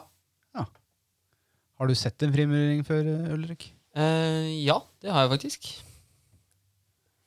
Vi har hatt en eh, som uh, jobber i en bedrift som vi har fått besøk av i der hvor jeg jobber. Ja. Uh, som uh, ikke pga. frimureriet, men fordi at vi har uh, verktøy fra en leverandør som, som leverer til oss. Ja. Og han hadde på seg sånn ring. Spurte du om hva slags ring det var, eller? Eh, nei, men jeg fikk eh, høre det av han ene kollegaen min, som prater mye med en fordi det er han som ofte bruker mye av det verktøyet som han kommer og leverer. Ja. Eller andre ting som han også leverer. Så han hadde fått med seg at han var eh, Så han møtte jeg faktisk på det åpne infomøtet som jeg var på. Ja, for vi har jo en sånn skjeggmennring, vi òg, vet du. Og, og da, det kan åpne uh, samtaler, da, ikke, ikke dører. vi, har, vi har jo nesten de samme kjøresettet som uh, frimurerne. Hvis du sier at du har ikke lov til å snakke om politikk og religion og alt det der, så er det det samme i skjeggklubben. For vi vil unngå, unngå de der store kranglene. Vi har til og med sagt at uh, fotball, det er eh, religion. Det snakker vi ikke om. For å ikke skape dårlig stemning. Ja. Men vi har da en sånn medlemsring som er ganske gjenkjennbar. Som Ulrik har der. Så der, ja. ja. Og jeg har møtt noen på gata, og så har, vi tatt, har han tatt i dørhåndtaket før meg, og da har jeg sett medlemsring, så sier jeg 'jøss, er du skjeggmenn, du', da? Og så er praten i gang. ja. Så vi også har jo en sånn type, da. Samme vil du oppleve når du får åttende grad og du går med, med ringen. Så er det plutselig noen som snakker med deg. Er du frimurer? Ja. Ja. Og så er praten i gang. Da har du allerede, sånn som dere har, et felles ståsted. En felles plattform å begynne å prate ut ifra. Veldig bra. Følte vi Er det noen spørsmål som dere har Som jeg har glemt, som dere kanskje brenner inne med, eller noe sånt nå? Nei.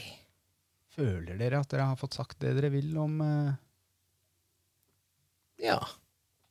ja. Er, er det ikke mer dere lurer på? Eller Nei, som, jeg- som de andre lurer på? Nei, jeg, jeg, vi er helt tomme for spørsmål. Og så har vi noe som heter eh, Skjeggrådet, hvor eh, det har kommet inn en sånn eh, et spørsmål. eh, egentlig en refleksjonstanke. eh, som jeg tenkte å dra oss igjennom. Eh, Skjeggrådet, der svarer vi på, på spørsmål da, fra, fra alt ifra 'hvordan steller jeg skjegget' eh, til nå et eh, ja, han, han trenger et råd, da. Han er i en knipe. Eh, så jeg tenkte før vi eh, eventuelt tar skjeggrådet, eh, om det var noe mer avslutningsvis rundt Nei, kanskje vi kommer på det mens du tar det skjeggerådet. Ja. da, Jeg prøver å kjøre i gang skjeggrådet, og så, og så tenker vi litt. Det er veldig viktig å ikke snakke mens den introen går. Skal jeg fortelle en uh, artig historie? Egentlig, den skjeggrådesangen her, den uh, måtte jeg lage på fem minutter. Uh, skal bare vente på skåla. Skjeggrådet! Jeg måtte lage den på fem minutter uh, før første episode av Skjeggmenn podkast kom ut. Fordi vi hadde brukt sang fra internett. Og så fant jeg ut at det var eh, eh, var ja, det var copyright og litt forskjellig. Så egentlig så kunne vi blitt saksøkt for 100 millioner dollar. Så da satt jeg med piano fem på ett på natta og måtte bare hm, Hvordan skal jeg få til en sånn der eh, låt. Så det var eh, en uh, historien om skjeggrådet. Velkommen til dagens skjeggråd. I dag så har vi fått inn spørsmål. Skal jeg se om jeg får lov til å si navnet, eller om han skal være anonym. Han ville være anonym. Jeg er en eh, skjeggpappa som er skilt og har funnet kjærligheten i en annen by. Jeg har to barn. Eh, små barn.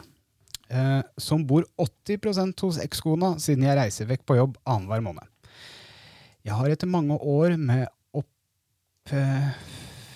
oppfrelselse Ok. Eh, Oppofrelse, tenker jeg. ja. For andre funnet ut for meg å være lykkelig må jeg ta vare på meg selv først. I det eh, ligger at jeg har bestemt meg for å flytte fra langt nord til langt sør for å bo sammen med min nye kvinne. Dette er diskutert i minnelighet med ekskona, og alt er fredelig på den kanten. Men barna vet ingenting foreløpig. Eh, jeg er nødt til å fortelle dem at pappa vil flytte permanent vekk, og at det er annenhver helg, høytid, ferie og sporadiske langhelger-dealen som vil gjelde fra og med sommeren. Hvordan legge det frem eh, for ungene for, på best mulig for å ikke knuse hjertene deres? Har tenkt til å fortelle det så tidlig som mulig, da de får det til å fordøye og forsone seg med, med. men det er fornuftig nå eller er det fornuftig nå, med én måned før jul? Håper dere har erfaringer, tips eller råd. Så her er det altså en som har, har god kone med ekskona. Uh, hun vet at han har fått seg ny, uh, men bor da nord, vil flytte sør til ny kjæreste, men har ikke sagt det til barna. Rett og slett. Da vil jeg bare si med en gang at uh, barn skjønner veldig mye mer enn hva man selv tror at barna skjønner. Så jeg personlig ville vel kanskje råda til å bare rett og slett si det som det er. Og være så åpen og så fort eh, som man kan, egentlig. Fordi jeg har i hvert fall merka det veldig med mine barn, særlig hun eldste. At eh, hvis det er noe man sier, og gjerne hvis man lover noe, så er det veldig lite som skal til for at eh, hvis man da ikke holder det man lover, selv om det bare er en liten jente på tre, så blir det ganske gærent hvis man ikke gjør det man har sagt at man skal gjøre. Fordi de skjønner Ja, det ble veldig mye sånn fram og tilbake nå, Ja. men de, de, skjønner, de skjønner veldig mye selv om du tror at de ikke skjønner det. Ja. Han spør jo hvordan legge frem nyheten for ungene best mulig uten å knuse hjertene deres. Jeg tror det viktigste han skal si, det er at han er og kommer til å fortsette å være like glad i de barna, uansett om han ser dem mindre eller ikke. Ja. Og at, eh, at avstand ikke har noe med det å gjøre. Og at han ikke flytter av barna. Det er veldig viktig å få fram. Står det noe om hvor gamle de er, eller? det står eh, småtrinn og mellomtrinn. Så da er det sikkert barneskole og ungdomsskole, tenker jeg. Men det, er jo, en- det der er kjempevanskelig. Jeg har i hvert fall ikke noe godt svar på det med hvordan man skal løse, men jeg tror dere forteller dem at du ikke gjør dette her for, å, for din egen skyld. Eh, det er kanskje det han gjør, men uh, Ja, jeg tenker jeg ville heller Men, si, si I hvert fall eh, Nei, stryk det forrige. Understrek det at du vil fortsette å være glad i barna. Det Avstand har ikke noe å si. og det, Etter hvert som de blir eldre, så er det ikke sikkert at de kommer til å bo verken i nord eller sør. Eller de kan jo bo i midt eller USA eller hvor som helst. Så, så livet er omskiftelig. Det er vel kanskje, kanskje viktig. Men det er ikke så lett for barn å skjønne. Men nå var de kanskje litt eldre enn det jeg hadde trodd sånn innledningsvis. Da. Ja, så tenker jeg at eh, Barna vil jo at eh, foreldrene også skal ha det bra. Så jeg tenker at det er lov å si litt at det er for din del, og at, det, på- for at pappa skal ha det bra. Eh, å være glad, så er dette noe han må gjøre. Og det setter han også i stand til å være enda mer glad i barna når han har den tiden han har med dem. Ja, jeg forstår litt sånn frustrasjonen øh, rundt det. Fordi hvis du har en på ungdomstrinnet, da, og det som skjer i hodet på en ungdom som kanskje har mye hormoner og sånt, er jo også det eh, Da er det perioden hvor du ser veldig mye inn i deg sjøl. Altså alt spinner rundt meg, meg, meg. Eh, jeg var sånn. Jeg har sett eh, Barna mine har vært litt sånn òg, at de klarer ikke å se andre sine behov. Det er kun meg. Så det han kanskje er redd for, er også at den eldste her tenker at eh, nå forlater pappa meg, fordi verden spinner rundt Mm. det, tankegangen til, eh, til barn på ungdomstrinn. da. Jeg tenker at det kanskje det er en sånn bekymring. Samtidig så er nok barn mer sånn tilpasningsdyktige enn det vi voksne tenker. da. Vi er, blir ofte mye mer satt enn det unger er. Så det kan eh, bli eh, vanskelig der og da. Jeg har jo vært med på, på barn som har fått litt sånn ja, skal vi kalle det litt eksistensielle kriser. Eh, De, det går ikke så lang tid, og så er de liksom der de, der de bør være. Da. De, de tar ting kjapt. Og jeg er helt enig, ikke prøv å komme med noen sånne vikarierende argumenter. Si det som det er. Ja. Og, og, og respekter, må, respekter at de reagerer på det. Mm.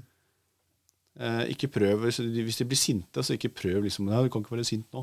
Det er, det er greit å være sint. Respekt for følelsene de har, for de Ja. er ekte. Uansett om du ikke er enig i de, så er det de ekte følelsene barna får. Det må man respektere. Ja. Ja. Jeg tror, vi, tror den satt på første skudd her, egentlig. Det blir jo litt sånn, der, sånn som han ene kurslederen uh, sa til meg en gang, at um, her på hotellet så teller vi ikke kalorier, vi spiser dem. For alle er samme. Eh, Gjør du det?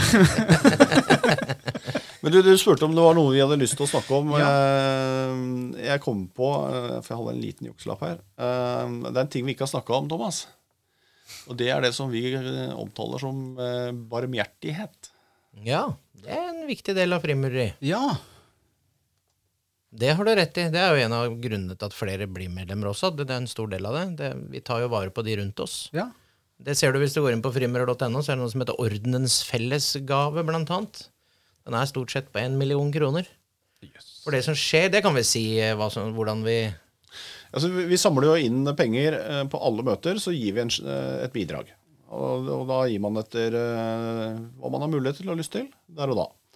Og de pengene samles inn. Noe blir brukt lokalt, eh, og noe blir brukt sentralt. Så når du nevner fellesgaven, så er det én sånn stor uttelling i året. Eh, og vi har gitt til forskjellige organisasjoner eh, Vi har i år ganske, sendt ganske mye penger til Røde Kors, som de skal bruke øremerka i Ukraina. Så akkurat i år så har vi vridd den pengestrømmen dit. Eh, Men det kan være noen i, Hvis det er en eh, litt mer eh, litt mindre forhold, at man vet om at noen Det kan være en familie som sliter, eller en enke, eller hva det er. Og så ønsker man å gi et, et bidrag til det. Så, så, så det er en, en viktig del av det vi gjør. Da. Men vi liker i hovedsak å gjøre det uten at det blir for mye oppmerksomhet rundt det. Vi, vi søker ikke, liksom, med, med unntak av fellesgaven, så, så søker vi ikke så mye sånn oppmerksomhet. Da. Eh, for vi mener at dette skal vi gjøre fordi vi skal være gode medmennesker, ikke som et sånt PR-jippo. Det betyr ikke at vi hemmeligholder det, men vi søker ikke masse oppmerksomhet rundt det. Sånn lokalt så har vi gitt Kirkens Bymisjon, gitt Rett Fram-opplevelser, Sykehusklovnene på Drammen sykehus. Så det som samles inn på møtene i Drammen, der er det som Arne sier, en del av det går til Ordenens fellesgave, som gis på vegne av alle i hele Norge. Og så den andre delen av det, det gir vi lokalt. Ja. Og da er det alle losjene i Drammen. Vi er jo flere. Ja. Eh, Du har jo to Johannes-losjer, en Andreas-losj og en broderforening. da. Ja, her merker jeg at eh, det er vel ikke alle som forstår hva du sa der, men eh, Nei, Det er veldig enkelt. Du kan sammenligne her med en, eh, en skole. Eh, Johanneslosjen, første til tredje klasse. Der har vi én A og én B i Drammen. Vi har to, en A-klasse og en B-klasse. De er helt like. Det er bare at vi, vi holder til i hvem har den beste læreren? Ja, nei, det, det, det kan vi ikke si, for det er rituelt. og så når du da er ferdig med tredje klasse, så skal du gå fjerde, femte, sjette. Men da slår vi sammen A- og B-klassen til én A-klasse. Og da er du i det vi kaller for Sankt Andreas frimureriet. Så når du da skal videre derifra, så skal 7., 8., 9., 10., da slår vi sammen fryktelig mange klasser til én. Skikkelig videregående. Skikkelig videregående. Ja. Ja. Til og med han derre raringen fra Øvre Hallingdal. Eh, Ja. hvis du samles i Drammen, da. Nei, vi tar, vi, den, så det er på en måte hierarkiet, det, da. Hvis du kan kalle det hierarki for at du ikke grader du tar. Og da er det jo innsamling, for i, i Drammen så har jo da disse her fjerde, femte, sjette gradsgutta møte på mandager. Disse her sjuende, åttende, niende, tiende har på tirsdager. Og så har du da den losjen du tilhører, som er Gustav. De har da på onsdager. Og så har min nøkkelen på torsdager. Når det er sagt, så kan de brødrene da som har eh, høyere enn tredje grad, de kan da selvfølgelig også gå på mandag. Så kan de gå to dager i uka. Så kan de stikke til Oslo. Så kan de gå alle dager i uka. Men det var lurt å snakke med kona først, var det ikke det? Jo. Var det ikke? Det er greit, det, altså. Uh, ja. Det er jo ikke noe møteplikt, da. Du går jo det du har tid og det, har mulighet til. ikke, det har vi ikke tatt opp. Nei, Så det er ikke noe- en møteplikt. Nei, men det er som Arne sa innledningsvis, da, jo mer du putter inn, jo mer får du ut, og jo fortere forstår du og får mer utbytte av. Men eh, det er ingen møteplikt, og det er veldig varierende. Jeg har eh, flere jeg, som er kanskje en gang i kvartalet, mens jeg sjøl i det siste har vel vært nesten tre dager i uka, tror jeg, nå. En stund. Noen har jo mer forbedringspotensial enn andre, Thomas. Så, eh, Det er derfor jeg er der, vet du. Jeg er der for å hjelpe dere som har det så når, forbedringspotensialet. når, når kona di stryker den hvite skjorta og, eh, og pakker eh, kofferten din med det, Hva, hva sa du nå, når? Kona di hjelper deg til å komme i losjen, da, da skjønner du at du har eh, oh, ja, Snakker du nå av egen erfaring, eller er det meg du er på jakt etter? Selvfølgelig snakker jeg alt av egen erfaring. Jane, eller kona mi, spurte om eh, jeg skulle ha adresse, adresseendring til gamle kirkeplass snart. Ja. Så det uh, Få henne i Maria-losjen. Ja. Nei, burde det. Nei, hun har ingen interesse. Nei, men det, jo Det er sånn, det, må, det må jo være sånn at eh, vi, vi driver jo ikke frimuri for frimuriets skyld. Vi driver frimuriet for at vi prøver å lære noe om oss sjøl og bli bedre. Så da kan jeg si til kona mi at eh, jeg trenger å gå veldig mye i losjen, for du ser jo de mangler og svakhetene jeg har. Så Jeg biter ikke på den helt lenger, da. Ja, ganske glups ut. Tar ikke den. Skal vi prøve å oppsummere det vi snakka om i dag? Nummer én. Vi fikk ikke store svar om eh, verdensherredømme, for det finnes ikke. Men vi har ikke klart det, i hvert fall. Nei. Vi har gitt opp. Ja. Um, to, det vi ikke kan snakke om i dag, er rett og slett ritualer. Alt annet er åpent og ligger da på frimureri.no. Mm. Uh, eh, ja. Du, du, kan, du kan komme inn hvis du er 21 år eller eldre og har plettfri vandel. Du kan bli kasta ut hvis du bryter noen lover. Ja, hvis du blir straffedømt, så er det Da Ja. blir du ekskludert. Ja, Eller hvis du ikke betaler eh, kontingent. veldig bra. Ja, det er som alle andre steder. Det er jo i, pras- i, i, i prinsippet sånn at man melder seg jo ikke inn i losjen. Det har vi ikke sagt noe om. Men man søker om, eh, opp, man søker om medlemskap. Så er det en prosess, og så kan man da møte til en eh, potensiell oppdagelse. Og da blir man i prinsippet tatt opp på livstid. Så er det jo eh, organisasjonsfrihet i Norge, sånn at hvis man da på et eller annet tidspunkt eh, ikke vil, eller lar være å betale kontingenten sin, eller blir ekskludert, så er jo det de tre på en måte alternativene. ut. Så hvis man vil, så ville jeg vel anbefalt å ikke betale kontingent kontra det å en, bli straffedømt. Ja, det, er, det høres billigere ut. Men det er, jeg syns jo det, det er god spøk, altså. Men, men ryddigst er jo også å ta en, en, en diskusjon med lederne i sin losje og si at av følgende grunner så ønsker jeg ikke lenger å være medlem. Eh, fordi at de grunnene kan jo endre seg også. Og da er det jo greit at den døra bak deg ikke er helt stengt. ikke sant? Men hvis man bare ikke gidder å betale eller ikke svarer på henvendelser, ingenting, så, så er nok den døra kanskje låst med en nøkkel ekstra. da. Eh, for for det, dette er ikke sånn, eh, sånn skiklubben som man melder seg inn og ut.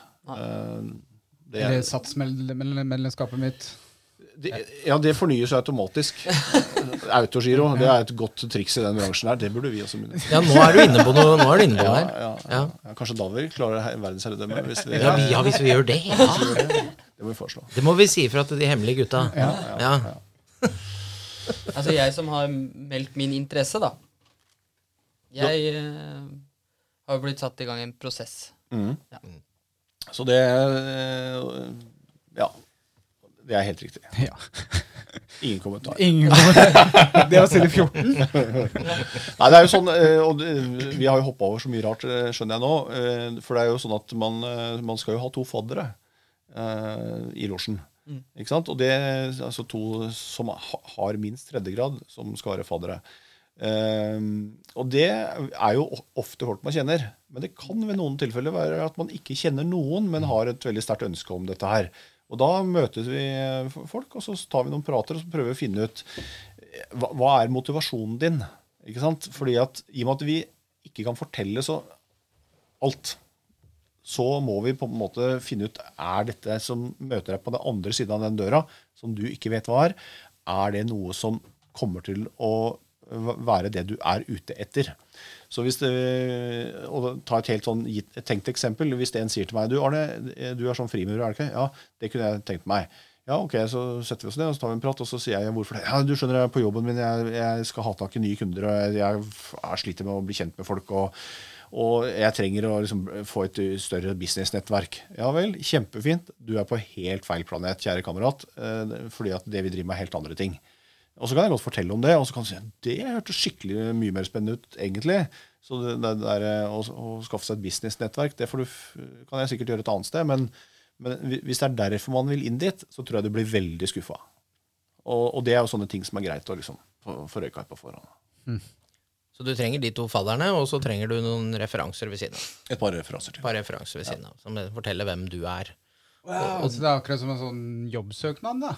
Ja, kan, det er for å se hvem du er som person. At vi ønsker å kontrollere det. Så at vi er sikre på at du er, eh, du er en som passer inn og har de rette skal vi si, rette ønskene da, for hva du skal få ut av frimureriet. Ja, For uansett om du har hanekam eller om du har tatovering i trynet, det spiller ingen rolle. Spiller ingen rolle. Tenk scenario, hva, hvem er på en måte de andre referansene dere altså, som blir tatt Det kan være sjefen din på jobb, eller uh, en god kompis, eller uh, Ja. Mm. Og, det, og det er jo ofte sånn at man bruker en referanse fordi at uh, noen ser Thomas ser jo sider ved min personlighet som jeg ikke ser selv. Ikke sant? Og så er det jo kanskje noen uh, sider ved min personlighet som jeg ikke ønsker å vise han heller. Uh, men, uh, men det er jo greit å få, få noen litt uhilda, da. Ja. Så, Og de fadderne dine er viktige. Spesielt han det kalles jo første og annenfadder. Han førstefadderen, han, spesielt han, har et stort ansvar, for han skal følge deg opp. Når du da blir Dersom du blir medlem og videre i reisen din som frimurer, så skal han følge deg opp og sørge for at du kommer, finner deg til rette, lærer deg opp enkelte ting, sånn at du føler at dette her er, eh, blir tatt godt vare på. Så det, det er litt til de eventuelle frimurerne som hører på, at husk ansvaret sitt som fadder. Vi skal ta imot folk på en god måte, og vi skal ta ordentlig godt vare på dem. det er jo en ting dere ikke har spurt oss om, da. Oi, Det hadde jeg regna med at dere skulle komme med ganske kjapt. Drikker frimurer blod? Jeg har hørt det. det er vel Mest spurt om det her. til lutefisk, så. Til lutefisk. Da drikker vi blod. Men jeg er mest glad i rødvin. Men det er en, det er en frimurerspøk, da. Den kan vi ta, det er en, en måte til å kjenne igjen en frimurer på. Vet du hva det er? Nei, nå er jeg Hvis du er i Syden, eller Vi har jo det vi kaller for taffel, hvor vi sitter og spiser. Legg merke til at gutta har ett rødvinsglass, ett ølglass og et akevittglass samtidig. Så det er jo stort sett bare frimurere som har den rare trippelblandinga der. Så ser du en som sitter i Syden med et rødvinsglass, et ølglass og en akevitt. Frimurer. Bør ikke se etter ringen engang. Den er litt funny sånn intern, kanskje. Ja. Hjelper det noe på å være frimurer når man eh, parkerer tøfla? Med tanke på sånne der jomfruer og sånt, blir det lovt noe ekstra? Og tenk på når du legger deg i treppenalet for godt. Ja, Ingen kommentar. ingen kommentar. Var det bom? Han trøkka ikke, så gjorde det. Takk. Vær så god. Men eh, Frimureriet er, selv om vi eh, snakker om dette med kristendom, så er fri, Frimurordenen og Frimurlosjene er ikke et religiøst samfunn. Vi driver ikke med dåp, nattverd eller sånne type ting. Nei. Og vi driver i- er- og har ikke begravelser. Og jeg tror ikke vi vet noe veldig mye mer om hva som skjer på andre siden enn det andre veit. Klarer du ikke å lese det blodet på ritualene. Sånn. Nedi kaffekoppen? Ja. Ikke helt. Ingen, kom- ingen kommentar. Det var side 148. Da blir det mye fjas. Gutter, vi har holdt på i en og en halv time. Uh, hvis dere er tomme, så er vi tomme. Uh, det kommer sikkert til å komme spørsmål på vår Facebook-side. Eh, eh, skal jeg videresende dem til dere? Ja, selvfølgelig. Kan du bare gjøre. Ja, veldig bra. Eh, jeg takker for gode spørsmål og svar, og ingen kommentarer. Eh, håper dere likte Mozart-kulene. eh, og tusen hjertelig takk for at dere stilte opp og ikke var så hemmelighetsfulle som vi hadde frykta. Tusen takk, dette var ordentlig hyggelig. Eh, Jeg ser at det er tre sånne kuler igjen, Ja. eh, så jeg lurer på hvem av oss eh, Hvis du slår av lyset, så Nei, nei, nei. Ikke når vi hørte hva Mozart sang, så skal vi ikke skru av noe lys. Og du kan godt få de Mozart-kulene, for de er ødelagt for evig og alltid. Takk skal du ha, Daniel. Mens vi krangler om Mozart-kuler. Ha det bra, folkens. Ha det bra. Ha det bra.